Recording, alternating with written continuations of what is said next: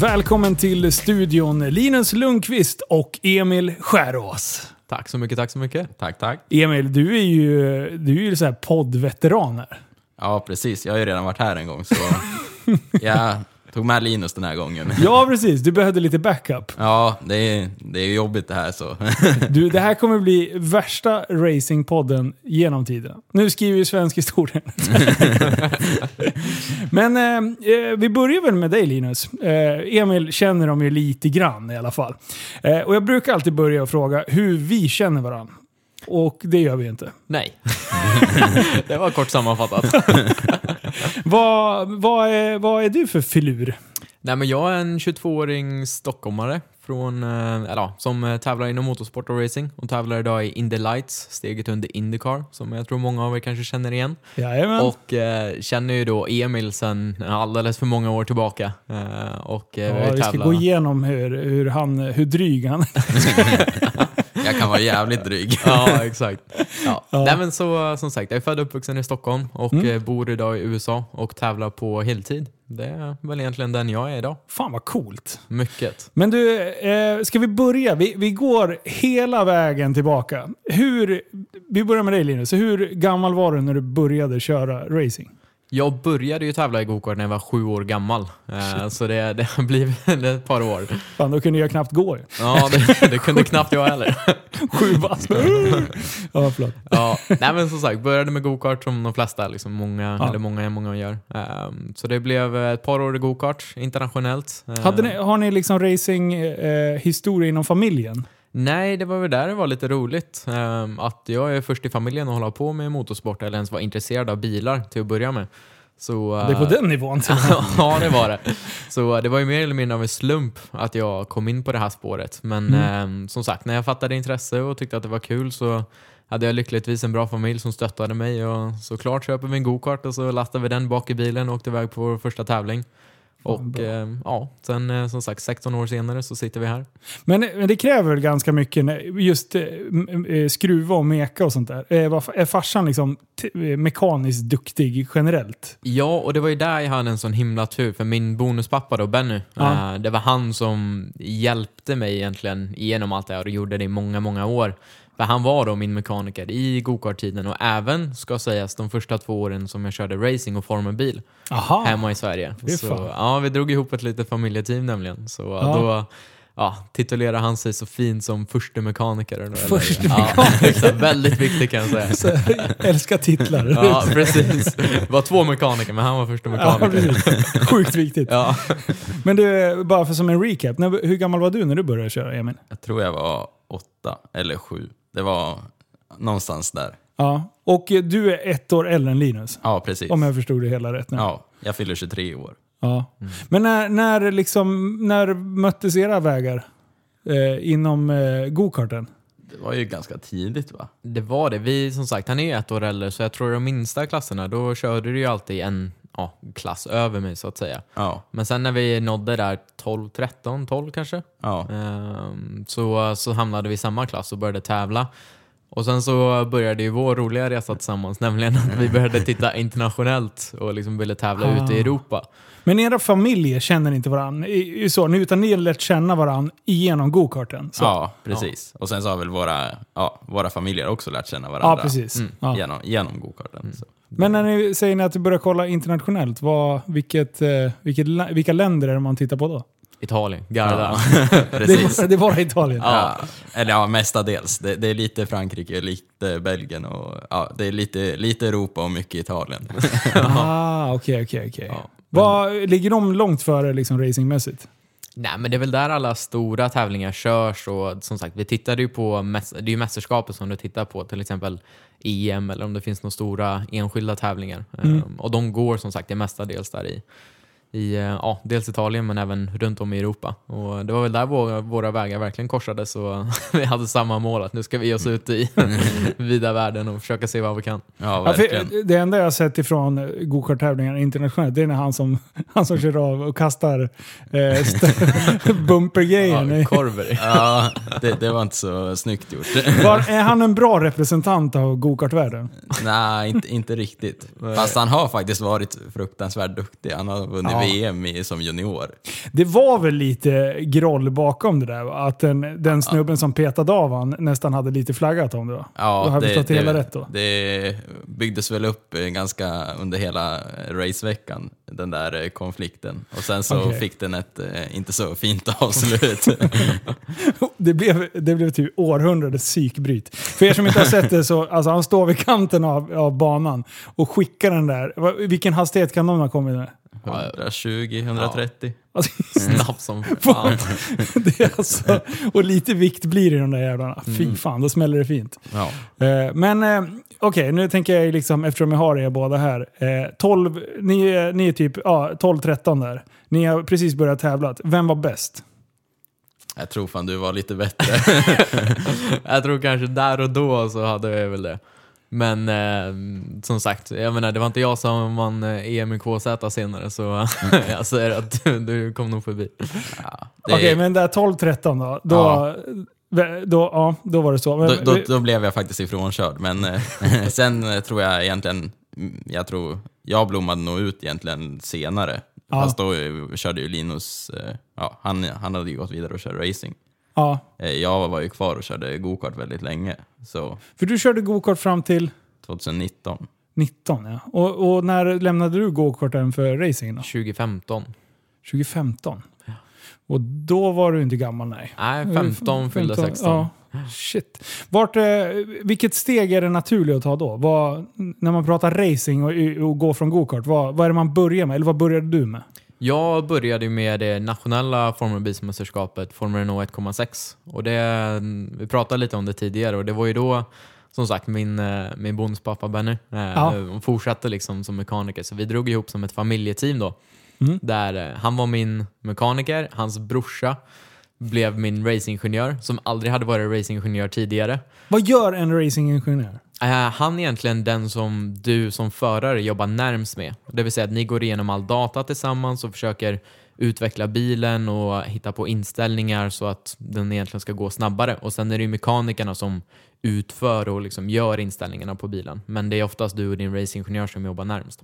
Okej, så det är då man går igenom liksom sektortider och eh, har, har man... Nu, nu jag, jag, som sagt, jag är noll, jag kan inte det här så jag måste förstå. Och då kan inte lyssnarna heller säkert.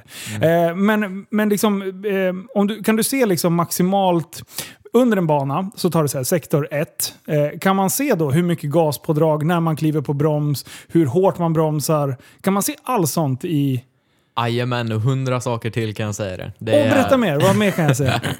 Nej men som sagt, det, det finns ju massa sensorer på de här bilarna. Och ju högre upp i klasserna det kommer, desto mer sensorer och grafer finns det att titta på. Ehm, Men som sagt, det viktigaste egentligen är de tre grejer som vi brukar titta på. Det är som sagt hur mycket du gasar, hur mycket du bromsar och hur mycket du svänger. Ja. Det brukar kunna säga väldigt mycket om hur du kör som förare och vart du kan förbättra det och så vidare. Även liksom hastigheten. Så, då kan vi ta till exempel jag och Emil, liksom, att vi jämför vår data under ett varv. Ja. Och så ser man att ja, men i kurva 1 så bromsar Emil fem meter senare än vad jag gör. Och vi har identiska bilar, så jag borde också kunna göra likadant. Och på så sätt så kan man liksom förbättra sig själv som förare. Och Hur bli mycket, snabbare. hur mycket liksom, när, när det är en sån här typbilsklass, alltså att alla kör samma, hur, eh, eh, hur mycket delar man med sig? Inom ett team så är det 100%. Ja, Oft- okej. Mm. Oftast. Så det är liksom öppen data. Men sen så med konkurrenter, ingenting. Utan Nej, det är mm. som sagt... Det är, Sneaky bastards. Ja. Nej men så blir det ju. Du tävlar ju liksom. Och det är det här det lite finurliga också är inom racing. att Du har ju ett team som du tävlar för. Och då är man oftast ja, två eller fler förare i ett och samma team. Japp. Det team som jag tävlar för idag till exempel, då är vi fyra stycken. Så Mm. då har du ju fyra, eller ja, tre andra personer att jämföra med. Mm.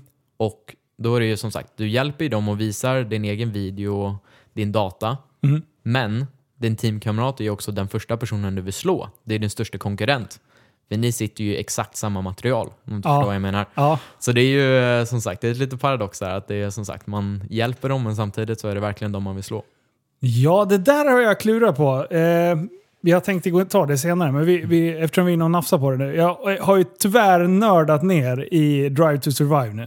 Alltså jag såg det säsong 1, säsong 2 och bara åh, var helt såld. Och nu hade min jävla Netflix hakat upp sig. Jag kunde fan inte starta den. Så att jag nu äntligen fixade jag. tog bort appen och installerade den typ tre gånger. Så nu har jag fått igång den, så jag har sett halva säsongen. Och jag tänker ju lite på just det där eh, inom teamen. Eh, ja, vi kan ta Mercedes nu då, som är liksom, de är outstanding. Eh, men just det med Bottas och, eh, vad heter han? Hamilton. Hamilton, tack. Eh, hur, hur mycket är bilarna identiska i grunden? Liksom? Men sen måste det väl ändå skilja lite grann på alltså inställningar och sånt där. Liksom, hur, hur körstilar och sånt. Kan, hur mycket liksom, kan det diffa på en sån grej? Även fast du har liksom samma stall? Det kan diffa jättemycket helt ärligt. För som sagt, nu som sagt, jag är ju inte helt hundra på hur Nej. Formel 1-teamen arbetar, men ja. bara av min egen erfarenhet så vet jag att på den bilen vi har idag så finns det ju över 100 olika inställningar som vi kan göra. Ja, Så i grunden ska det ju vara en identisk bil som alla andra. ja. Men det finns så mycket som du kan göra på den här bilen. Och sen ser man det, alltså när du väl är i toppen då är det liksom tiondelar, ibland hundradelar som du letar. Och vi jobbar ju på millimeterprecision liksom med, med olika inställningar på bilen. Och de här millimetrarna kan göra väldigt stor skillnad liksom varvtidsmässigt. ja. Så det, jag tror det är lite det man kan se också i Formel 1-teamen där att även fast du sitter i samma bil, bägge förarna är sjukt duktiga. Det får man ändå ge liksom. Nästan alla som sitter i F1 förtjänar att vara där. ja. Men det kan fortfarande diffa väldigt mycket. Och det är som sagt, det kan nog sitta lite i föraren, men mestadels är hur ni jobbar fram till den inställningen så att du får bilen att hjälpa dig istället för att du behöver jobba med den hela tiden. Precis, för jag ser ju diskussioner. Jag älskar ju att vara inne och stångas i så här, eh, internetforum, tänkte jag säga. Ja, men ta Facebook där. När det har varit någonting om att Hamilton har vunnit. Och där. F1 det upprör ju folk, liksom, eller racing upprör överhuvudtaget. Och just det här att vem som helst nästan kan sätta sig i vilken bil som helst. Om man skulle säga procentuellt, hur, hur stor Eh, hur stor andel är föraren och hur stor andel är bilen? Svår fråga. Kan en bra, kan, så här då, jag ställer om frågan. Kan en bra förare sätta en sämre bil och fortfarande eh, köra bra tider eller tvärtom? Nå- nej, utan eh, i Formel 1 så är det ju så uppbyggt i alla fall att det är, Mm. som sagt, sätter du Hamilton i en Haas eller en Williams, Ja. Han kommer inte kunna ta poäng. Nej. Utan Okej. det, det är ändå så pass. Så Jag tycker vi såg det exemplet väldigt, väldigt bra. Tyvärr så visade de inte riktigt det i Drive to Survive, men det fanns ett race där Hamilton blev coronasjuk och var Ja. tvungen att stå över. Och, Det var synd att de inte tog med någonting om det, för jag bara åh, nu kommer det. ja, men eh, då i alla fall, då var det ju en Williams-förare som inte har tagit enda poäng de senaste vadå, två åren.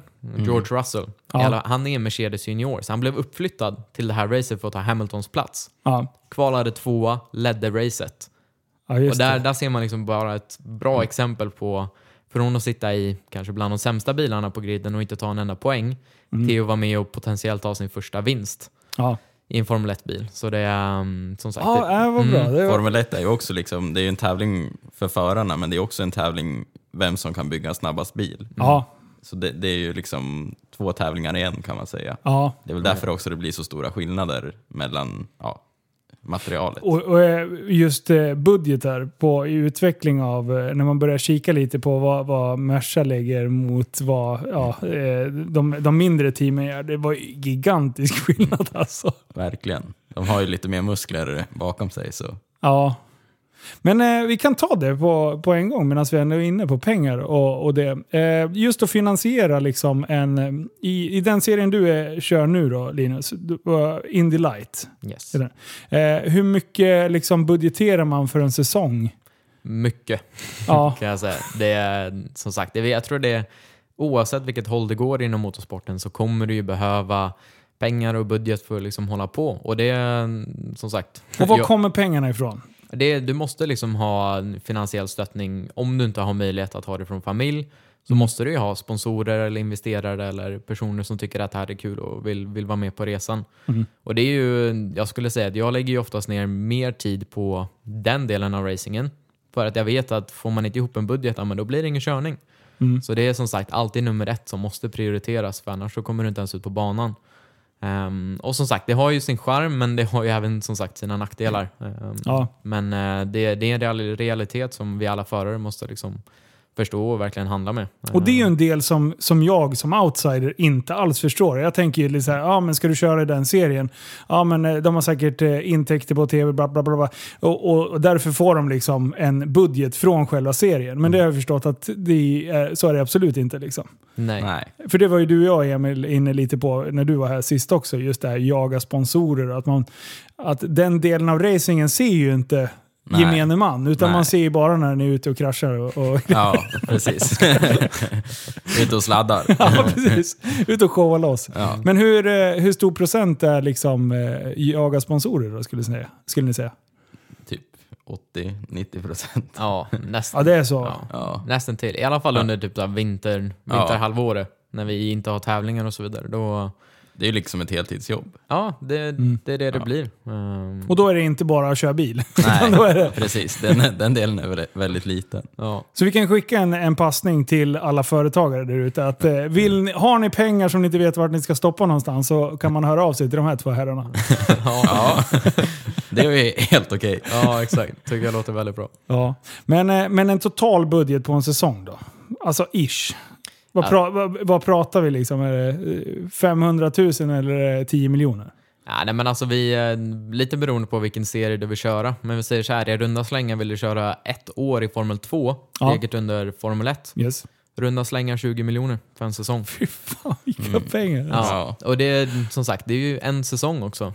Ja. Sen eh, som sagt, ska du köra Formel 3 i Europa, då snackar vi ungefär hälften av det. Och så i en fallande ordning då när du Ja. kör de mindre serierna. Men det, det är så svårt för, jag tror, en utomstående att förstå vilka summor det handlar om. Och det är liksom under en säsong också. Mm. ehm, som man måste få ihop det här. Så det, ehm, det är nästan lite läskigt när man tänker och försöker slå sig in på den här banan, vilka, vilka summor det, det gäller. ja, verkligen. Men eh, det är samma för alla förare. Som sagt, det krävs ett otroligt jobb, men man vet att lyckas man eh, liksom hamna med rätt team och göra ett bra jobb, då, då finns det möjligheter att ko- komma vidare också. Och för de som inte vet alls vad, vad eh, Indy Light är för något. Vad, hur, eh, hur ser bilen ut och vad, vad är det speciellt med just den serien? Ja, vi kan ju snabbt gå igenom hur det funkar också, tänker Ja. jag. Liksom med alla, det är inte alla som förstår liksom juniorstegar och liksom Nej, hela bra. vägen upp. Så som sagt, ofta så börjar man med go-kart. Kanske de, som jag och Emil, liksom runt 6, 7, 8 där. Ja. Tävlar i det tills man är ja, 16, 17, kanske 18 och så tar man då steget vidare till formelbil om det är det steget man vill gå. Och då börjar man oftast med kanske en nationell formelbilsklass eller det vanligaste kanske är Formel 4 som finns lite över hela världen och två olika serier i Europa, eller tre olika serier i Europa. Mm. Och sen då gör man bra ifrån sig och kan ta nästa steg så går man vidare till Formel 3. Mm. Och sen kanske ni kan gissa att det blir Formel 2 som det då bara finns en serie av och det är då steget under Formel 1. Och sen då Formel 1 är liksom the pinnacle of motorsport, det högsta du kan komma. Sen finns det ju då borta i USA... Oj, skål. Och, ja, skål på den. Eh, sen som sagt, borta i USA så finns det ju ett mästerskap som heter Indycar som är det största du kan köra där borta. Är det rundbana? Ja, delvis. Eller ovalbana? Exakt. Ja. Jajamän, det, som sagt, vi har, det finns delvis ovalbanor. Så på ett mästerskap på 17 race så är det ungefär fem, fem tävlingar som går på ovaler. Och sen så är det blandat då med street courses där man stänger ner en halv stad och så kör man på stadsbana. Åh, vad coolt! Jajamän, och sen så resterande är liksom Helvete. vanliga typ Formel 1-banor, fast borta i USA då. Och det mästerskapet som jag kör, det är egentligen Formel 2 borta i USA då. Så det är steget under Indycar, den högsta serien. Åh fan. Jajamän, så eh, det är faktiskt häftigt som sagt. Man, eh, man ser att Indycar liksom hägrar lite i horisonten där, att det börjar komma närmare. Är det det naturliga steget att ta? Eller är det form, eh, Formel 2 sen som du känner att du helst skulle vilja gå?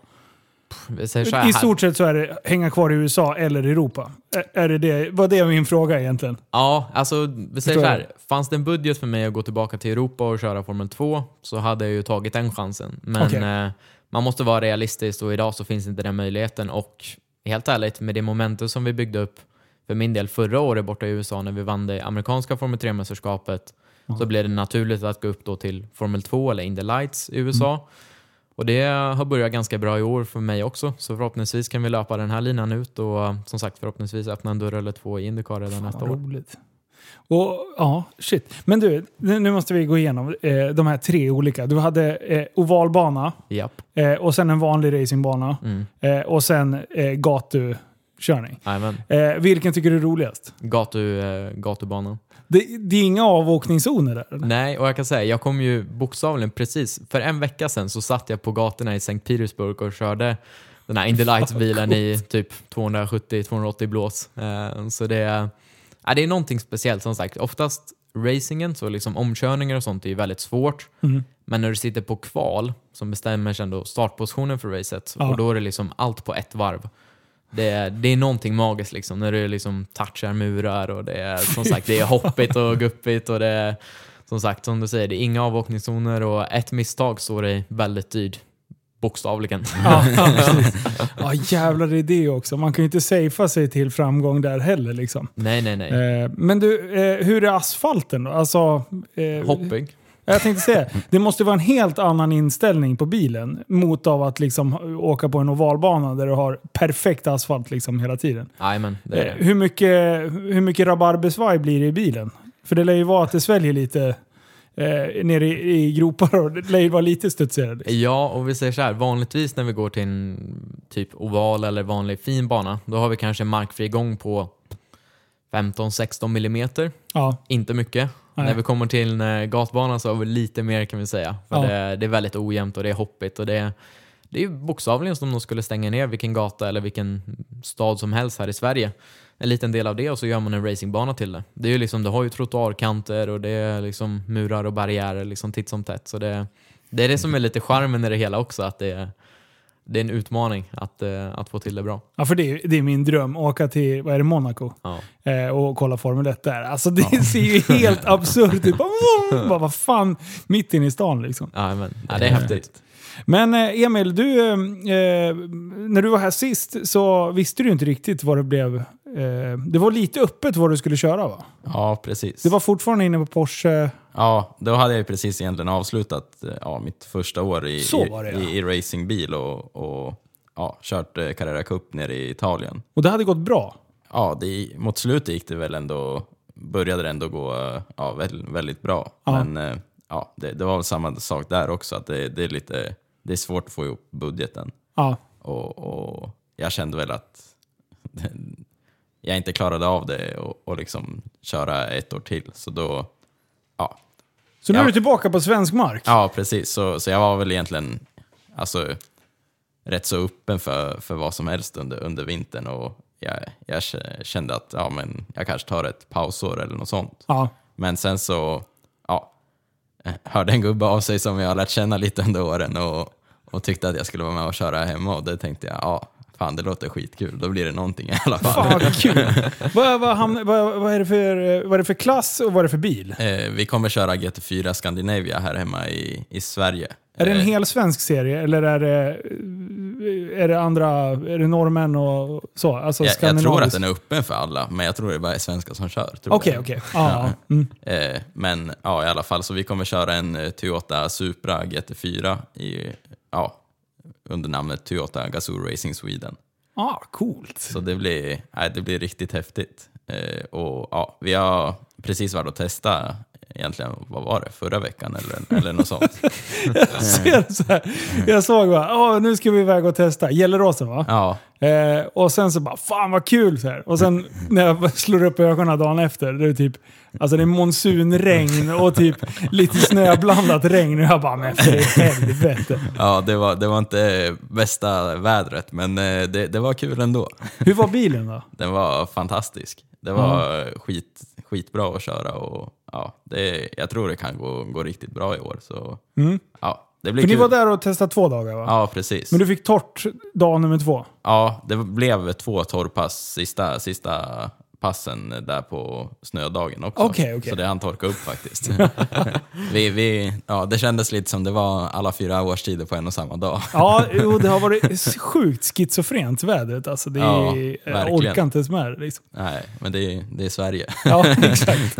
Men eh, vad, blev det några tider då som du... Ja, det gick, det gick rätt fort på slutet. Ja, det gjorde det? men vi får se om de var tillräckligt snabba sen. Ja, Men fan coolt. Ja. Är det en helt ny bil eh, för Ja. säsongen? Alltså, har de kört med den karossen innan också? nej, vi var nere och hämtade bilen i, i Tyskland för några, några veckor sedan. Ja. Så, så det var liksom ja, det vi körde förra torsdagen, det var första milen där rulla.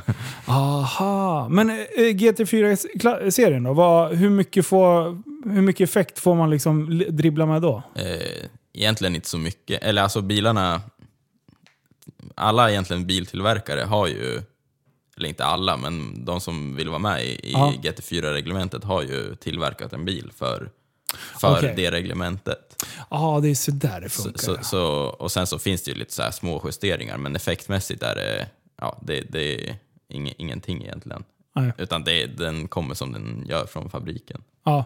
Och sen så har ju, alltså, vad har man? Det är, nu är det Toyota, McLaren, Mercedes, Audi, Porsche. Ja, det är en hel del olika märken och alla bilar är ju lite, ja, lite olika. Alla, alla har väl uppfunnit hjulet på sitt vis lite. Ja, men precis. Så det kommer bli, är det, eh, är det, kan det vara framljus, bakhjuls och fyrhjuls eller är det, Eh, bakhjulsdrivet. det är bakhjuls? Jag tror det alla är GT4? det. Ja. Ja. Shit, ja, var Ja. spännande. När, när eh, går första racet då? Eh, 18-19 juni. Oh, spännande. Vilken bana? Eh, Fällfors i Skellefteå. Oj, ja dit ska jag inte. Nej, men eh, vi kör ju på Gelleråsen, Mantorp och Anderstorp sen. Ja. Så det, det är lite närmare. Ja, då måste jag fan ner och kika. Fan vad roligt. Ja, verkligen. Ja, alltså du blir på hemmaplan i år? Ja, nej, det, det blir kul. Det är liksom... Jag har ju fan varit ute och flängt sen jag var... Ja, sen vi var 11 och 12. det, eller ja, hur gamla vi nu var. Jag kommer inte riktigt ihåg. Du är som Victoria Silvstedt, du kan knappt svenska. Liksom. Nej, men alltså- New York over the weekend. Ja, precis. Nej, men det, det har ju liksom varit eh, ens liv sen man var...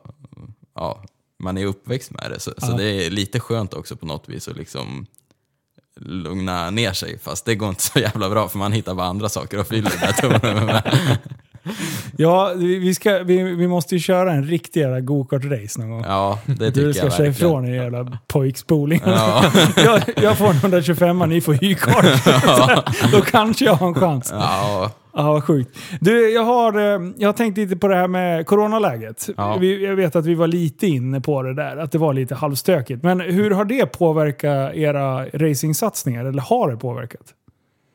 Ja, för min del vart det ju en ett jäkla slit redan förra året eh, när corona inträffade. För det, mm, som sagt, först och främst som för alla så vart ju alla väldigt påverkade. Men för min del så uh, vart ju vårt mästerskap som jag skulle köra förra året då, det amerikanska Formel 3-mästerskapet, det vart uppskjutet i cirka tre månader. Ja.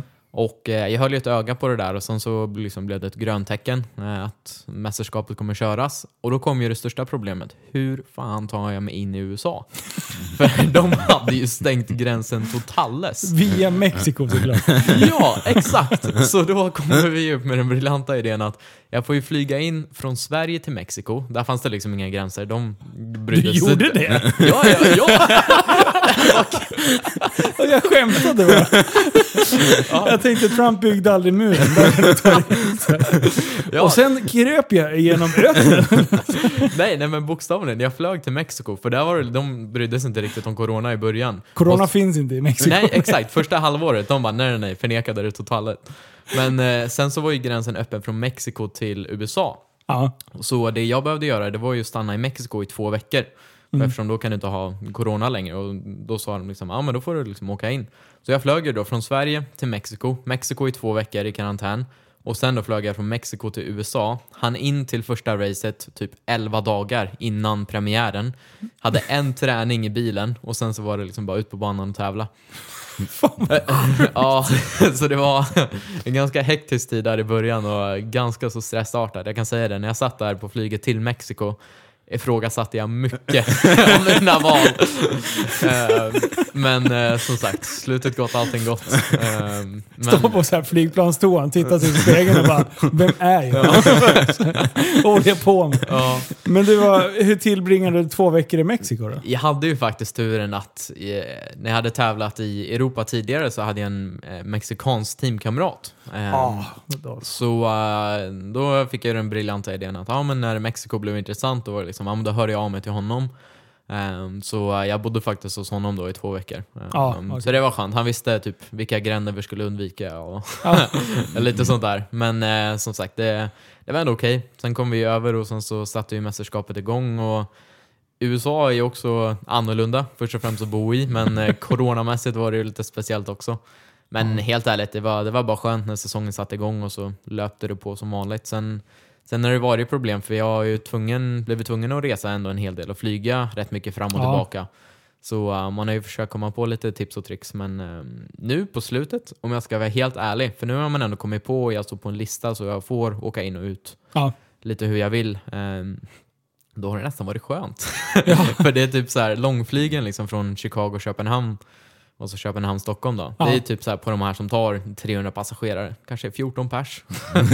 så det, man har liksom, det är inte ens en rad man har för sig själv utan det är halva planet som jag har för dig själv. Nu ska jag sitta här, nu ska jag sitta här.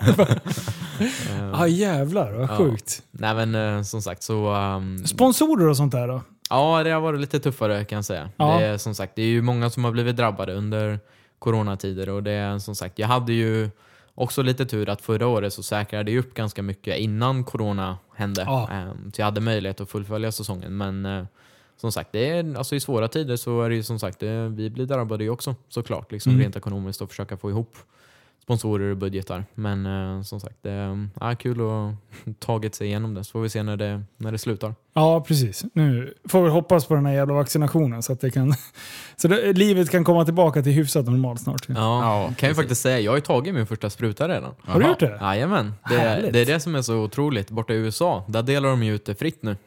Ah, ja, ja, ja. Ja, så det var bara att signa upp sig och så, eh, ja, i den delstat som jag bor i då, Indiana, där var det liksom alla över 16, boka en tid, kom imorgon.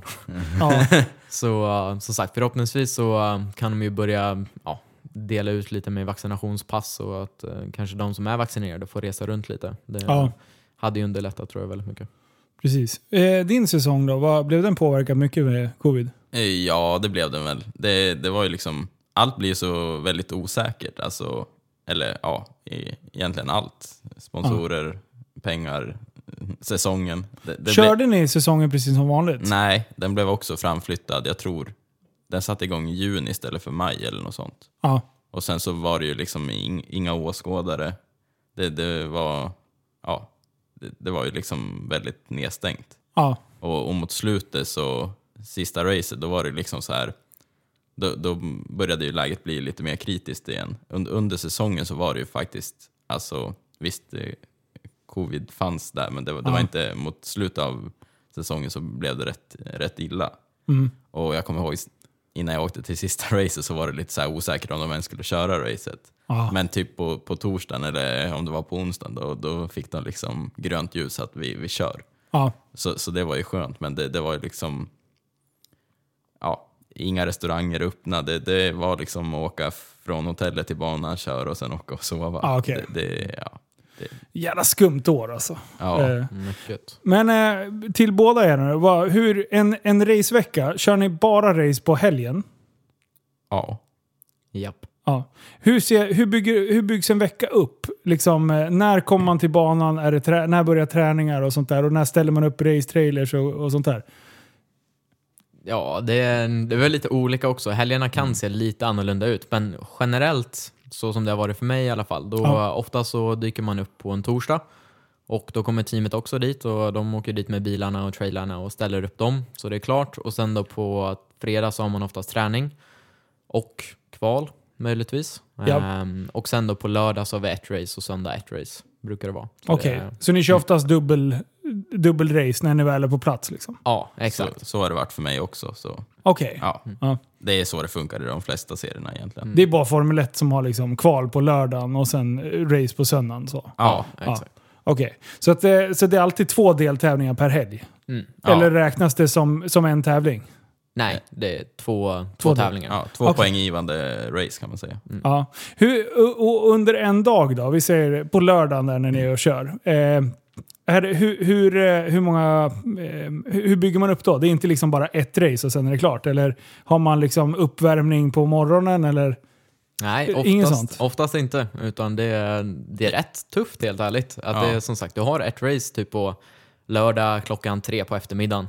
Och då går du hela dagen där och liksom förbereder dig och försöker hålla liksom huvudet in the game. Och sen så är det bara att sätta sig i bilen och så är du uppe i tävlingsmoment. Eh, När går du banan och så? Är det innan, eller gör man det liksom innan varje dag och bara eh, mental grej, eller hur funkar det? Ja, det är väl lite mer mentalt. Man kan kolla videos egentligen kanske innan man åker dit eller, eller något sånt. Det är i alla fall så ofta jag brukar göra. Man Ja. kollar lite ombord-videos, man kollar kanske har varit där och kört innan och har man inte det så får man väl alltså, verkligen ta sig tid och, och lära sig banan och, och så. Ja. Hur, hur mycket kan det diffa då på en bana, apropå olika körstilar? Eh, det finns ju liksom ett optimalt spårval som är så här, ja, men så här ska du köra. Men kan man, kan man frångå eh, det genom att ha liksom en alternativ körstil? Eller åker alla samma spår? Liksom? Nej, inte hyfsat men kanske inte helt helt. Nej, jag tror typ så här från en utomstående hade nog inte sett skillnad spårmässigt på den som vinner racet och den som ligger 15. Utan Nej. det är ändå så pass snarlikt. Men när man är nördar som jag och Emil, Ja. då börjar man liksom se skillnader. För det är, alltså inom racing så är det små detaljer som, som du jagar. Och vi snackar liksom en ja, 3-4 decimeter i skillnad gör väldigt stor Ja. alltså skillnad i tid sen i slutet på varvet. Så eh, det är sådana grejer som man börjar liksom snappa upp och liksom titta efter. Men eh, som sagt, för en utomstående så skulle man säga liksom att alla kör egentligen samma linje. Ja. Men eh, som sagt, jag tror när man går ner på nördnivå, oavsett vad man gör, vilken idrott det är, så ser man ju skillnader. För det är det som, jag har ju bara kört lite time attack i, i, i den här jävla fiestan liksom. Ja. Eh, och det- även fast när du säger att det handlar om liksom olika vinklar och, och ganska... Eh, jag svänger ofta in för, för tidigt. Jag tänker att det här går åt helvete. Nu, nu, Och då, då börjar jag gena lite istället för att våga ligga någon meter till och sen få en bättre utgångshastighet. Liksom. Men, eh, men det där försöker jag titta efter, men det, är- det är så sjukt svårt. Det är jättesvårt. Det är verkligen. Och, och se. Ja, det är spännande. Fan, jag måste, finns det lite så här onboard-videos när ni kör? Jajamän, Ja, det gör det. finns. Är det YouTube man söker då? Eller? Eh, Ja, jag tror... Jag, Ja. jag kommer inte ihåg om jag har lagt ut något eller inte. Jag kan airdroppa lite till det sen. Ja, så- bra. Ja, fan, det, är- det här ska jag sitta och nörda vet du. Ja. Men, ehm, ehm, ja, corona, pengar, eh, vad skulle du säga? Vad, målet för den här säsongen då? Ehm, Emil, vad, vad, vad känner du? Blir det pallplats totalt i serien? Eller? Ja, jag tror det. Vi har satt det som mål i alla fall, att i, i år att vara med och liksom slåss om topp tre i mästerskap i alla fall. Ja. Eh, och det är ju, jag ska vara helt ärlig, jag, jag håller inte så mycket alls i det här projektet, utan jag är mest med som, som, eh, Du bara kör. som pro, pro driver. Det är det som är min uppgift. Ja. och och vara vara lite, ja, vara där och, och göra, köra snabbt egentligen. Det, Ja. det är mitt jobb. De Ganska säger åt jobb. dig, var här, kör fort. Ja, un ungefär. Och, och sen så allt här runt omkring med, med budget och sånt, det, det är jag knappt... Ja, jag är med lite grann och hjälper till, men, Ja. men jag, jag kommer mest dit med, med hjälmen och kör egentligen. Men i det här projektet kan man säga att du är, du är inhyrd proffsförare? Ungefär. Ja, okej. Men, Så. eh, men som din satsning nu då, är du också inhyrd proffsförare eller är det med ditt team? Ja, I wish tänkte jag säga. I wish. Nej, men som sagt, jag är fortfarande i det steget liksom en, en junior liksom som är, ja, tar sig igenom juniorklasserna. Och då är det ju som sagt, som, som vi pratade om tidigare, att du, du måste ha budget som du betalar teamet då för Ja. att du ska köra. Så eh, det är fortfarande där jag är med, med Indy Lights. Och sen förhoppningsvis gör man ett tillräckligt bra jobb så kan man ta klivet upp och bli pro-driver. Så ni, är liksom, ni är jämngamla men ni har liksom gått egentligen ganska olika vägar inom racingen. Väldigt olika. Ja, det får man säga. Vad, vad är det största liksom som skiljer er? Ja, du, du körde längre go-kart. Ja, men jag tror ju, jag var nog egentligen aldrig riktigt alltså, sugen eller kanske motiverad för att gå det, det steget Linus gick, utan liksom, jag började, när, när han eh, ja, gick vidare så började jag köra växlad gokart istället. Och, Ja. och det, det tog väl några år, år där och sen så när jag började ja, mogna både som förare och liksom person så, så började det också gå väldigt, ja, väldigt bra. Och, Jävligt bra, Ja. får man ändå säga Ja. nu. Så jävla ödmjuk ja, ja, EM-guld och Ja. VM-brons. Ja. Ja. men det gick ändå hyfsat. Ja. Ja, men precis. Men, nej, men då, liksom, då hittade jag min, min grej verkligen. Och, Ja. och då ja, kom ju det. Och sen så har jag, jag blivit lite intresserad av det här med GT-racing och bil med, alltså, ja, bil med tak och, och det. Ja. Och, och det, för det är ju lite mer, ja, man, man träffar lite, lite gubbar och, och tjötar lite och kör lite bil. Och, och liksom, det, det är ju lite det som är, grejen med GT-racing också. Även fast det, och det är häftiga bilar och liksom det är ju, ja, allt runt omkring. Men när du har tagit det steget, Mm. eh, vad, är liksom, vad, är, vad är det sista anhalten? Om du får drömma, liksom, vad är det du vill köra? Det, det är nog GT3 egentligen ute i, ute i Europa. Ja. Det, det är väl det, det som är typ Spa 24 timmars, Nürburgring 24 timmars. Det är väl Okej. egentligen det. Och det, det är väl egentligen det jag har jobbat för hela tiden. Men mm, ja, efter förra året så kände jag bara att det finns inte riktigt ekonomi till att, att ta det här framåt. Så då, då ja, nu känner jag lite, det får, vi får se vad som händer. Jag, ska- jag gör mitt bästa och så Ja. går det som det går liksom. Ja, men ett litet eh, sabbatsår fast eh, du Ja. glider in och blir proffsförare. Ja, precis. Liksom, sabbatsår. Ja, visst. Här har du en bil, kör fort. Kom med hjälmen. Ja. Glöm inte det. li, liksom det, det spåret Linus har gått, det är ju lite mer alltså hardcore racing eller vad man ska säga. Det, Ja, ja, lite mer kanske. ja, det, det, ja. GT-racingen är ju lite mer, ja, det, är ju en marknadsplattform på, på ett annat vis, eller för, för bilmärkena kan man säga. Ja, okej. Det, Ja, så, så om man ska hårdra det lite, så du går i, mot märkesracingen och det här blir lite, Linus kör lite mer individuell racing som, kan man säga så? Nej, inte riktigt kanske. Nu sitter ni och skakar på huvudet. Ja, nej, men, det, det, men det är liksom... svårt jag att tror, definiera. Ja, men jag tror typ så här, största skillnaden är, det är ju oftast som sagt, jag kör en formelbil och GT-bilar är alltid liksom bil med tak. Ja. Ehm, och där som, som Emil säger så delar du oftast också bilen då ehm, med, med några. Så man kör ja, långlopp som du snackar, liksom spar 24 timmar så kör man ju i 24 timmar. Vilket Så är jävla helt coolt. sjukt tycker jag Ja. till att börja med. Ja. Så då är man ju liksom tre till fyra personer som delar liksom på en bil. Ehm, Det är så jävla kul. Va? Pitstop och så bara flyger föraren ut och bara in med en ny förare. Man är så van att bara säga byt däck och tanka, kör liksom. Ja, och kommer en precis. jävla förarjävel ut. Ja. Jag tycker det är asbra. Ja, det är sjukt. Jag gjorde ju faktiskt ett 24 timmars race i Daytona. Eh, Ja! 20, ja, 2019. Ehm, Och hur hamnade du där? Du hade vunnit något som hette... Vad står det? eh, Sunoco... Wheel and Challenge. Ja. Exakt. Så, jag att- ja, Jag 20, kan inte läsa vad jag skrivit. ja, det är inga problem. Ja, ja, jag vet vad du menar. Vilken jävla tur. ja.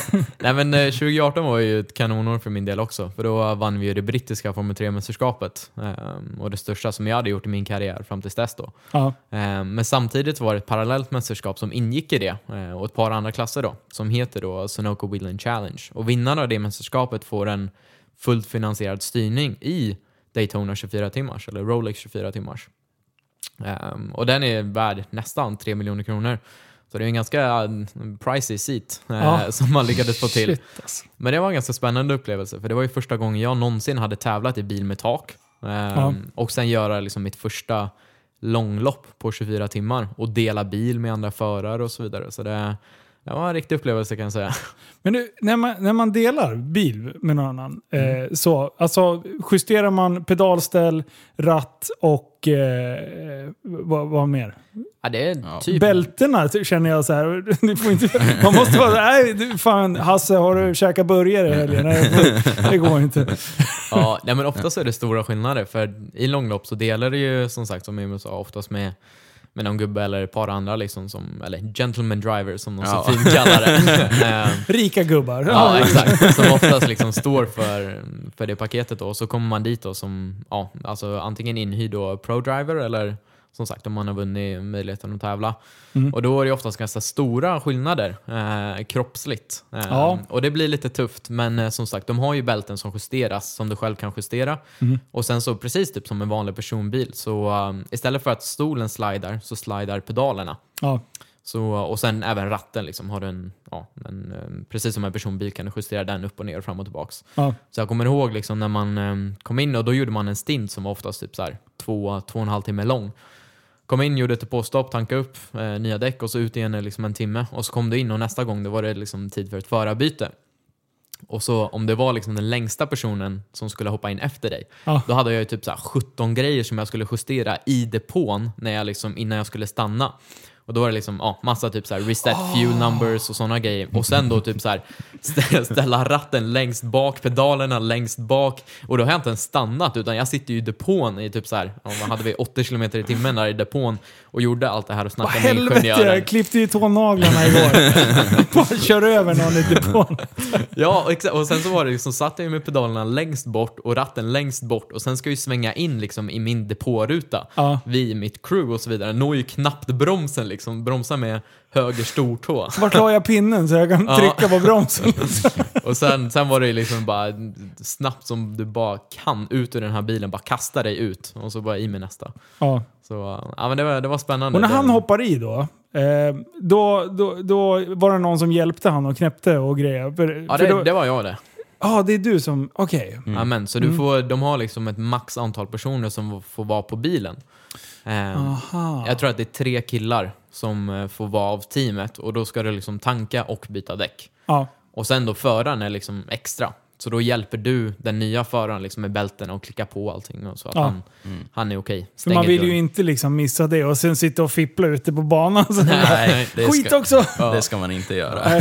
Bältet har twistat sig liksom. Ja, Ja. Fy fan. Mm, men det har ju hänt också. Liksom. Jag har hört om förare liksom, som har kört stintar liksom, med typ så här, bältena inte varit ihopknäppta och grejer. Äh, fy Ja, fan. obehagligt alltså. va? Ja.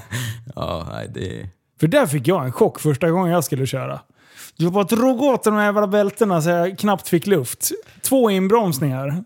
Sen var- kunde jag dra nästan lika mycket till. Ja. Då bara fy fan, jag, nej, jag drog inte åt tillräckligt. så nu liksom bara sitter jag och krämar sig in i den där jävla stolen och sen, man får alltid efterdra lite nästan. Ja. Fast ja, det, är så, det är så jävla sjukt. Och just de här små rörelserna, när det börjar kasta och grejer, alltså fan, då vill man sitta fast. Ja, Verkligen. det vill man verkligen. Sen, eh, det värsta jag varit med om med bältena, det är för vi, vi har ju liksom sexpunktsbältena. Ja. Så då har du ju två över axlarna, två över midjan och så två här vid skrevet. Ja.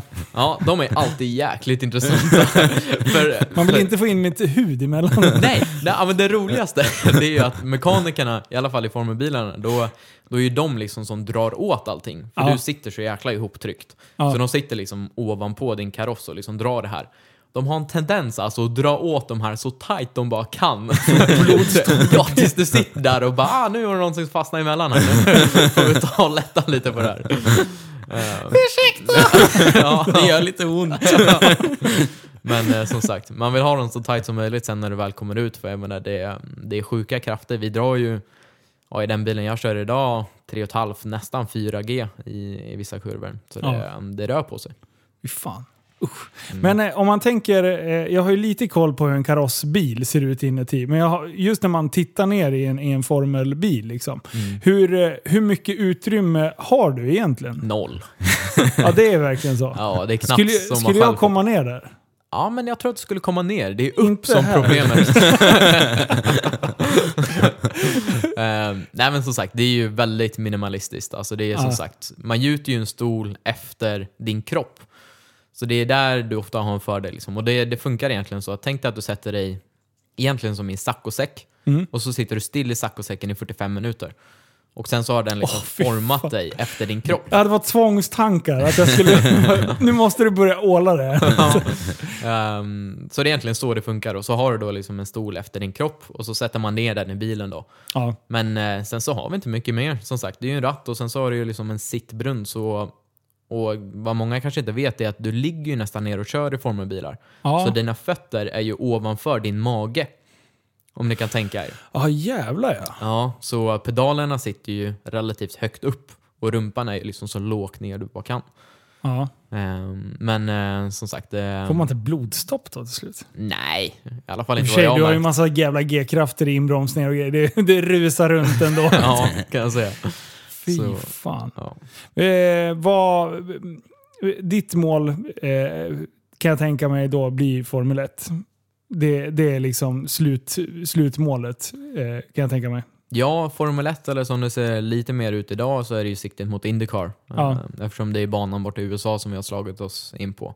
Mm. Eh, Men som sagt, om dörren öppnar sig tillbaka till Europa så är inte jag den som är den utan jag kommer ju försöka ta den chansen om det finns. Sen, eh, sen är det så här att jag, jag håller på med motorsport för att jag älskar att vinna. Ja. Det, är, jag vet att tar man bort vinnande ur ekvationen, då vet jag sjutton om jag skulle hålla på med det här. För det, det är Okej. mycket slit och det är mycket jobb och eh, som sagt, Mm. jag, jag hatar att förlora mer än vad jag älskar att vinna.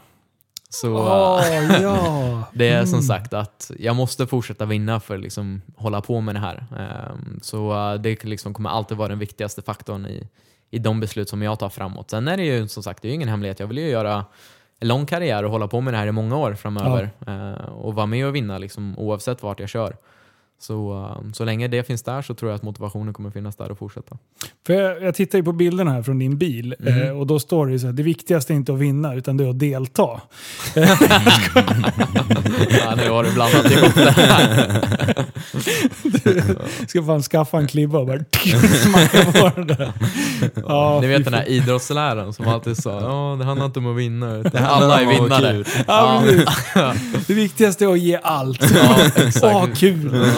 Fuck you, det är att vinna. Vinna är kul. Ja, precis. Det är exakt så. Alltså, Det, det är ju oavsett vad det är i livet tror jag. Ja, precis. Jag tror det är något som kallas vinnarskalle. Ja, Ja. det gör jävligt ont att förlora. Ja, exakt. Och, ah, fy fan. Men du, vad spännande. Vad, när är nästa, när är race, nästa race för dig då? Om två veckor är ganska exakt. Två veckor? Ja, i, det blir mitt hemmarace faktiskt i Indianapolis i Indiana. Så kommer vi köra, det ska bli häftigt. Vad är det för typ av bana då? då? Det är en road course, en vanlig liksom, racingbana. Jag, ska, jag säger inom parentes vanlig racingbana, för det finns kanske ett par stycken där ute i alla fall som vet när jag pratar om Indy 500. Ja, precis. Det ringer någon klocka. Ja, exakt. Så det är ju faktiskt, tro det eller ej, världens största idrottsspektakel om man tittar på åskådare på en dag. På den söndagen när racet går, och det är ett Indycar-race då, som ingår i mästerskapet. Och det är liksom världens största race med ja, 350-400 000 åskådare på läktarna. Det är helt sinnessjukt. Eh, Fan. Mm. och, och ni kör samma helg som den? Nej, inte riktigt så häftigt. Nej, det var, förlåt, jag Ja, missade. ja, nej, men som sagt, det, det är ju det största. Liksom. Men det är den banan? Ja, Då- ja. Ja, nej, jag, Jo, nej, men det, det är inne på, på rätt spår som sagt. Vi kör ju Indianapolis och det är Ja. ju, Indy 500 är ju den här ovalen som de kör på. Aha, Och det är ju ovalbana? liksom, ja, Mm, precis. Så det är ju nästan 400 km i timmen som de kommer upp på. Men Mm. vi kör, och även Indycar under samma helg, kör på en racingbana som går liksom på innerplan av den här ovalen. Aha, okej, okej. Så vi kör typ 300 meter av den här ovalen. Det är liksom en raksträcka. Och Ja. sen så vi, viker vi av och har liksom kurvor på innerplan. Och så kommer vi upp på den här raksträckan då igen. Så du kan liksom tänka bara wow, Exakt. varje raka där. Wow, nu är jag inne 500. Ja, så... Uh, nej men som sagt, där är väl målet att vara liksom. Uh, Har du, var du och tittat på en sån tävling? eh, nej, det har jag faktiskt inte. Fan, det vore ju något. Ja, det Mm. vore väldigt häftigt. Vi När får åker åka vi, och kolla nästa år när Linus kör. Ja. Ja, precis. Ja. Håll mig till biljetter. Ja, Men eh, ovalbana, Mm. det hade ni också. Det. Hur kul är det då? Du får fråga mig igen om typ tre månader när jag har gjort Du har inte första. kört det än? Nej. Åh, vad spännande. Mm, det kommer Eh. nog vara en av de största utmaningarna jag ställs framför i år. eh, Just ovalbanor. För eh, då, hur, hur mycket lutning, vad, vad säger man? Hur mycket bankade Bankade, de? ja. Eh, ska vi se, på, på den vi kommer köra så tror jag att vi snackar typ 13-14 grader lutning. Eh, Ja. Så det är inte jättemycket, men... Eh, Du får fortfarande en jävla massa eh, G ut i, åt sidan. Jajamän, Ja. det, det är det verkligen. Sen Hur så- mycket, slit, hur mycket däck sliter och sånt där? det sliter rätt mycket däck och sen så är det ju, bilarna är ju så helt annorlunda inställda. Först och främst så har vi ett helt, om du tittar liksom på, på en bil så ser du ju att det är massa vingar Mm. fram och bak och så vidare. När vi kommer till en oval, då tar man bort så mycket man bara kan av de här vingarna. För du söker ju bara liksom topphastighet och inte så mycket downforce. Aha. Så de ser ju väldigt annorlunda ut. Ofta så är de liksom asymmetrical, så eftersom du bara kör vänstersvängar Ja. så behöver du inte svänga höger. Nej. Om, om du gör Om- allting rätt. Ja, precis. Jag tänkte säga det. Ehm, vilket innebär att bilen, liksom, du har olika inställningar liksom, på vänster framhjul och höger framhjul till exempel. För Ja. att det ska hjälpa dig liksom, just i de här vänstersvängarna. För du behöver inte betala någonting sen i höger, högersvängarna för det. Nej.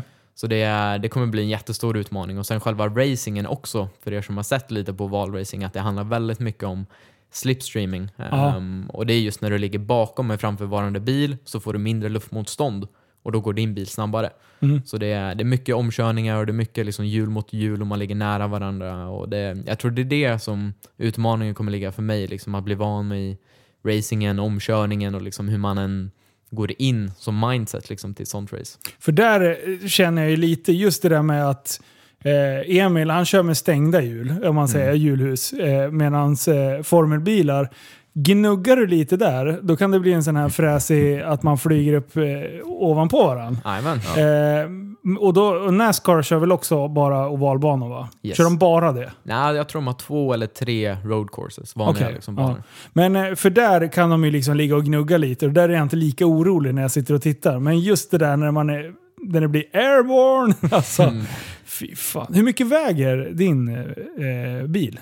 Den väger lite drygt 750 kilo. Ja, det är inte mycket. Nej, alltså med tanke på att vi är liksom 450 hästar på en bil som väger 750 kilo. Det är ganska bra eh, hästkraft per kilo. Ja. Eh, och eh, det är ju by far den snabbaste bilen jag någonsin kört. Det är, det är otroligt alltså. Och det är, som sagt, en sak är ju farten, liksom accelerationen och topphastigheten, men det som är mest imponerande är ju liksom kurvhastigheten och bromsningen Ja. man kan ta i sådana här bilar. För det är där våra bilar verkligen come alive. Eh, just med downforcen och greppet vi, vi kan ha. Så I vissa kurvor så har vi liksom en kurvhastighet på över 200 km i timmen. Och vilken i en vanlig personbil kanske är 60. Om Ja. man har tur. Ja, och då välter man. Ja. Ah, jävlar. Har, du, har du fått eh, möjlighet att sitta i en, eh, en em, snabbare bil? Nej, Alltså fått prova eller så? Någon Formel 1-bil eller något? nej inte än. Inte än. Nej. Jag jobbar på den möjligheten. Jag hade ju Alex Danielsson här Mm. i, före jul någon gång. Eh, och han, han har ju varit typ testförare och grejer. Ja. Och han var ju skitroligt när han var här och berättade och det var ju helt stört. Jag körde faktiskt sönder en go-kart här nu i veckan. Eh, som han hade, han hade försökt att renovera upp den där och gjort lite konstgjord andning på en, någon 125 eh, på Gröndal, ligger precis GTR Motorpark. Eh, så var vi där och filmade GTR och grejer. Eh, och sen eh, så frågade han bara, skulle du kunna hjälpa mig att köra in den här? För det var hans dotter och körde den här Akila, Ja. eh, den här nya serien. Eh, 12 bast. Och hon bara plöjde runt. Skitduktig var hon. Eh, så hon körde sakta i början och, och sådär. Och sen, eh, hon körde typ en timme nonstop. Soppatorsk till och med. Eh, ja, men skulle jag köra in den här rackaren och så skulle vi bara åka och, och eh, köra in kolv och, och sådär. Eh, och sen sa han, men nu kan du gasa efter den hade blivit lite varm. Och så bara kör, körde som en jävla dåre. Och jävlar vad kul det var. Alltså när det, när det bara varvar helt stört. Jag har ju bara kört hyrkart innan. Ja. Du, jag hittar min nya hobby. Jag ska köra go-kart. eh, och sen kommer jag på eh, uppförsbacken där och sen eh, på Gröndal, den raksträckan. Och sen så bara! Ja. Sen var den eh, kolven, den satt fast kan jag säga. Ja. Eh, så, så jag bara, gjorde jag något fel? Eh, så att, ja, jag har hängt lite med Alex den här. Jo men det, det, det har hänt några gånger att man skurit någon, någon motor. Det, det är inte kul. Jag Ja, vilket konstigt ljud. Ja, Fluff. ja. What? Nej, jag kommer ihåg några gånger då jag kommit liksom det, det finns en gokartbana som ligger i Sarno som har en eh, raksträcka där man kommer upp i nästan ja, 160 tror jag det är. Ja. Och liksom, det går fan fruktansvärt fort när det liksom bara, bakhjulen bara låser sig och det slår runt. För det gjorde det inte nu. Det, det fortsatte i alla fall rulla. Ja. Så att jag slapp köra Super Mario Kart. Ja. Eh, landa, landa i gräset liksom. Nej, jag kommer ihåg, jag, jag kom där i mitten av raksträckan en gång och så bara låste sig hjulen och, och man vände sig och så ser man alla bara kom, komma emot den. Det, det var ingen, det var... Nej, fy fan, det var... Luigi! Herregud, Då känner man, känner man sig väldigt naken helt plötsligt. Ja, verkligen. Åh, fy fan. Bara sitta och vänta. För de första ser ju. Ja. Men när de börjar väja, fy Ja. fan. Usch. Så, som tur var så klarade alla av att väja. Så Ja. det, det gick bra, men det, det var ingen rolig, rolig syn eller känsla. Så det var för, sista gången du låg först. Ja, Jag vill inte ligga först om det händer igen. Ja, nej, det var, det, det var en eh, jobbig helg tror jag för motortrymma, för det hände tre gånger den helgen. Ja, vad bra. Då, så- då, då var, hade det inte med mig att göra. Nej. Nej, du jävla mekaniker vet du. Jaha, men eh, ska ni iväg och köra gokart nu? Ja, jag tror vi skulle, skulle köra lite i, i, ikväll. Ja, Ska- vi, vi skulle den här frågan som du ställde i början, vem som var snabbast. Vi ska Ja. få ett svar på den. Fan vad kul. Ja, Jag, jag tänkte sätta Linus i väggen så slipper jag få veta. Men eh, jag vet ju att Jesper, som, det är hela gokart i Västerås, det är dit ni ska. Eh, han, han hade väl förut så, här, så han kunde ställa in och ställa ner eh, effekten på bilarna. På, på de gamla eh, hyrkartorna. Ja, okej. Så kolla för fan nu så att han inte håller på att trixa med det. Ja, vi kommer ju definitivt väga in i alla fall. Det ska vara- lika, det ska vara samma förutsättningar. Fy Fan vad kul. Men eh, vad, jag frågade ja, vart du trodde i, vart du skulle hamna på pallen Emil den här säsongen. Du Ja. hamnar på pallen. Ja. Du kommer vinna skiten. Ja, Eh, och vad hette serien? GT4 Scandinavia. Så den får ni hålla, hålla ögonen på. Och eh, Linus, vad, eh, vart landar du då i, i år? Ja, vi är här för att vinna. Ja, Punkt.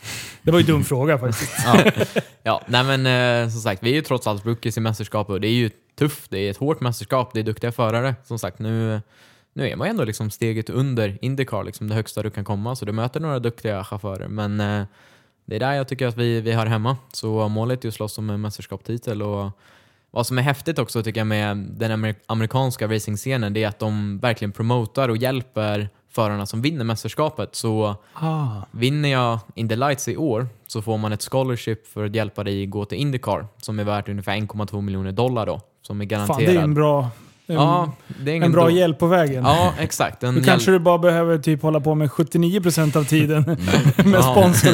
ja, kanske. så, eh, nej men som sagt, så det, är, mm, det är extremt motiverande och som sagt, det, det är kul att se för riktigt sånt finns det ju inte i Europa. Även Nej. om du vinner Formel 3 eller Formel 2 så har du ju ingen garanti att du blir hjälpt och liksom ta vägen upp till Formel 1 eller Formel 2. Utan det är som sagt, den, eh, det ständiga jaget av sponsorpengar är ju alltid där. Medan i, eh, i USA så hjälper de en lite mer på traven. Så eh, vi får väl se vart vi hamnar, men eh, målet är ju att vinna hela skiten helt ärligt. Eh, Mm. Så får man se vart det tar den vidare. Coolt. Och, och vart kan man liksom se det här? Vart sänds det liksom på, så man kan komma åt det härifrån Sverige? Ja, så det streamas faktiskt från, eh, från min hemsida. Så eh, egentligen sök på Linus Lundqvist på Google så kommer hemsidan upp och sen då när det är tävling så kommer det finnas både live-timing och streaming och det är Ja, kommentatorer bra. och så vidare. Så det, Som Håll ett två veckor. det. Vad fan, vänta, vad fan blir det för datum? det blir den 15 16 tror jag. Eh, 15 och 16 eh, stämmer bra ja. Jajamän, då, eh, då är det dags igen. Vad häftigt. Och vilken tid, eh, amerikansk tid går det då? Och vad blir det svensk? Då ska vi se, nu har jag inte schemat i huvudet, men eh, det bruk, brukar generellt gå runt kanske 6-7 på kvällen, kanske lite senare här svensk tid då. Eftersom det går oftast på förmiddagen, eh, amerikansk tid. Ja. Så eh, runt den tiden så kan man slå sig ner vid datorn och hålla Ja, ett utkik fan, för en svensk. coolt. Ja. Härligt. Du, en sista fråga till er båda.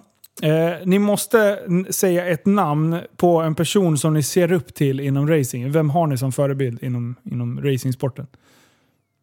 Svår fråga. Ja, Ja. ja. Rosenqvist. ja. Rosenqvist? Ja, Felix. Ja. Jo, det, skulle jag, det håller jag med om. Han är, han är en person man ser upp till. Mm. ja. Fan cool. Vad, vad, är, det, är det körningsmässigt, eh, personlighetsmässigt? Allt tror jag. Han är bara eh, bra. Ja. Rakt igenom. Ja, en bra gubbe. Ja, precis. Ja, nej men eh, jag har förmånen också att träffa, för han tävlar ju också, han tävlar ju Indycar i, Ja. i USA. Ehm, så jag har förmånen att träffa honom nu ett par gånger, för vi bor inte speciellt långt ifrån. Ehm, men ehm, jag tror redan som ung så var det i alla fall en, en kille som jag såg upp till väldigt länge. För han, han är ju fortfarande idag den enda som har vunnit typ det europeiska Formel 3-mästerskapet. Och han gjorde det 2015 och det var ju precis när jag tog steget upp då till formelbil. Och då var det ju liksom han, ja, en liten idol och förebild, liksom, att jag vill ju också vinna det denna dag. Ja. Ehm, och sen när man har liksom fått lära känna personen också så har det bara förstärkts. Så att det, det är en bra, bra kille. Vilken väg gick han? Har ni koll på hans historia? Hur, vilken... Eh, ja, Ja, vilken Så- väg har han inte tagit tänkte jag säga. Nej, men han, körde han gokart länge? Eh, inte jättelänge. Han gjorde ju sitt första steg, han började ju tävla i Kina. Oj! ja, ja. Oj. Efter gokart körde i Formel Renault där. Men Okej. eh, sen så, så spenderade han fem säsonger i eh, europeiska Formel 3-mästerskapet och vann ja, EM en gång då och så vann han ju det inofficiella VMet i Macau två gånger om. Okej. Ehm, och sen så eh, lyckades ju han köra lite allt möjligt. DTM, det är ju touring car-bilar. Och så Mm. körde han i Japan i Superformula, högsta klassen där borta. Och körde i det här nya elbilsmästerskapet som ni kanske har hört lite om, Formel E. Ja, det där är ju jävligt spännande Eh, faktiskt. exakt, och spenderade väl, var det tre säsonger tror jag i slutändan? Två eller tre Mm. säsonger där. Och sen då 2019 så gick han över till USA och Indycar. Mm. Hur har det gått för honom där då? Ja, det gick bra. Första året blev han ju sexa i mästerskapet och bästa rookie. Eh, förra året var det lite tuffare tror jag. Eh, han tog ju dock sin första vinst, Indycar-vinst, Ah, vilket var stort. Eh. Han var ju liksom, eh, han var ju med där på Idrottsgalan. eh, Ja, för- Han var nominerad. Till. Ja, exakt. Alltså jag måste börja kolla mer på tv tror jag. Ja. det är svårt att hitta tiden. Ja, exakt. Ja. Nej, men, eh, så han var ju den första som vann ett race sen, sen Kenny Bräck vann där i början av 2000-talet. Mhm. Ehm, så, Just det, han körde där borta. Ja, exakt. Han vann ju mästerskapet och Indy 500 och så vidare. Så, Coolt. han är fortfarande li- Vi har lite en- svenska namn inom racingen ändå. Vad har vi Ja. fler för några som, som är liksom... Ja, Marcus Eriksson är den andra. Ja, Han kör ju också Indycar och körde ju Formel 1 i fem år. ja precis. Eh, Han var med i första säsongen av... Drive to Survive där. Jajamän. Ja. Ja. Eh, men jaha, så han är där borta också? Mm, stämmer. Hur går det för han då? Ja, men det går ändå hyfsat. Han och Felix var ju teamkamrater förra året. Så Ja. jag, jag nu ska jag inte quota mig inte på det, men jag tror att de slutade typ så här 10 och 12 i mästerskapet, så ändå Ja. relativt nära.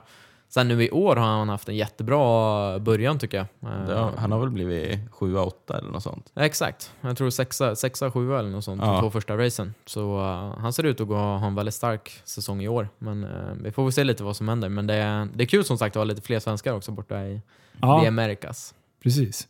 Du, du nämnde DTM där. Mm. Eh, vad, eh, om man jämför mot typ GT3-serier och sånt där, vad, vad är det som skiljer mellan dem? Det- Nu är det ingen, ja det är väldigt lite. I år så, till i år så gjorde de om reglementet i DTM. Okej. Eh, Så det är egentligen en GT3-bil, fast den är lite, lite vässad. Ja, lite snabbare. Men För det DTM var, var jävligt stort ett tag va? Eller Ja. är det bara för... Ekström var och körde? ja? Mattias. Han vann ju mästerskapet två, två gånger om där. Precis. Med Audi, Red Bull Audin va? Exakt. Ja. Eh, tror jag. Mm. Eh, men, eh, Snyggt. Ja, jag har lite koll. Jag känner igen jag är imponerad. Men, eh, men har den serien liksom eh, försvunnit bakåt lite eller är det just att vi inte har någon svensk? Att det är därför jag inte hör om den? Nej, den tappade ju lite eh, Ja. när... Eh, var det Merca som drog sig ur? Ja, Ja. Okej. Så, och det var ju tre starka liksom. Och det var ju Merca, BMW och Audi. Ja. Det är ju, DTM står ju för vad är det, Deutsche Touring Car Mästerskapen. Aha. Så det var ju liksom the three big ones. Och så lämnade ju en då tyvärr. Ja, Och då Aston Martin kom in och försökte ta platsen. Men ehm, det fallerade ju lite därefter. Det var ju Mm. säkert mycket som hände bakom kulisserna som inte någon av oss vet tror jag. ja precis. Ja. Men ehm, som sagt, nu, nu får vi se. De gick ju över till ja, GT3-bilarna och hoppas så. Det ser ut att bli ett ganska starkt mästerskap i år ser det ut som. ja jag tror Ja. också det. GT3, alltså formatet egentligen, eller reglementet har ju tagit över väldigt, väldigt mycket av GT-racingen, och, Mm. eller touring car-racingen Ja. egentligen över hela världen. Så, så det är ju lite, lite det som gäller nu. Mm. That's the shit. Ja. Men vad hände liksom med, med husvagnsrace och sånt där? Alltså, det var ju massa sånt för. Det är lite min, mer min racingserie. Ja, men det, det, det tar vi sen när vi är klara med det här. jag. Grabbar, lek av er lite och sen så startar ett husvagnsrace. Ja. Nej, det, nå- någon gång i mitt liv vill jag i alla fall köra ett folkrace. eh, Race. det det hade varit jävligt kul. kul. Men det är så här rimliga pengar. Ja. bara, bara krascha. Så ska någon komma och buda på bilen efter race. Bara, aldrig i livet. Du måste sälja, fuck you. Så drar man därifrån. Nej. Ja, nej men fan vad trevligt grabbar. Eh, nu har vi, eh, jag tror vi har gått igenom. Har vi glömt något? Är det något så här sista som ni bara, det här måste vi ta upp? Nej, jag tycker vi har gått igenom mycket. Ja, jag tror det. Ja. Eh, som sagt, det har varit eh, lite nördsnack också. Eh, Ja. Jag tycker vi alltid om. Ja, men Ja. lite högt och lågt. Ja, det är det jag försöker få, få till. Ja. Och, och sen så tänker jag så här, jag gör inte podden för någon annan, utan jag vill lära mig själv. Därför kommer det så här idiotfrågor ibland. Det är skitbra. Nej men vad kul att, att få följa er i år också. Så får vi säkert anledning att eh, köra en uppföljning till eh, hösten eller något sånt. Ja, det Så låter- får vi se om, eh, om ni hade rätt. ja. Linus går för vinst, eh, Emil går för vinst och sen eh, kommer alla vara nöjda och glada. ja. Jajamän. Coolt. Tack snälla för att ni kom hit. Eh, vart kan man följa er?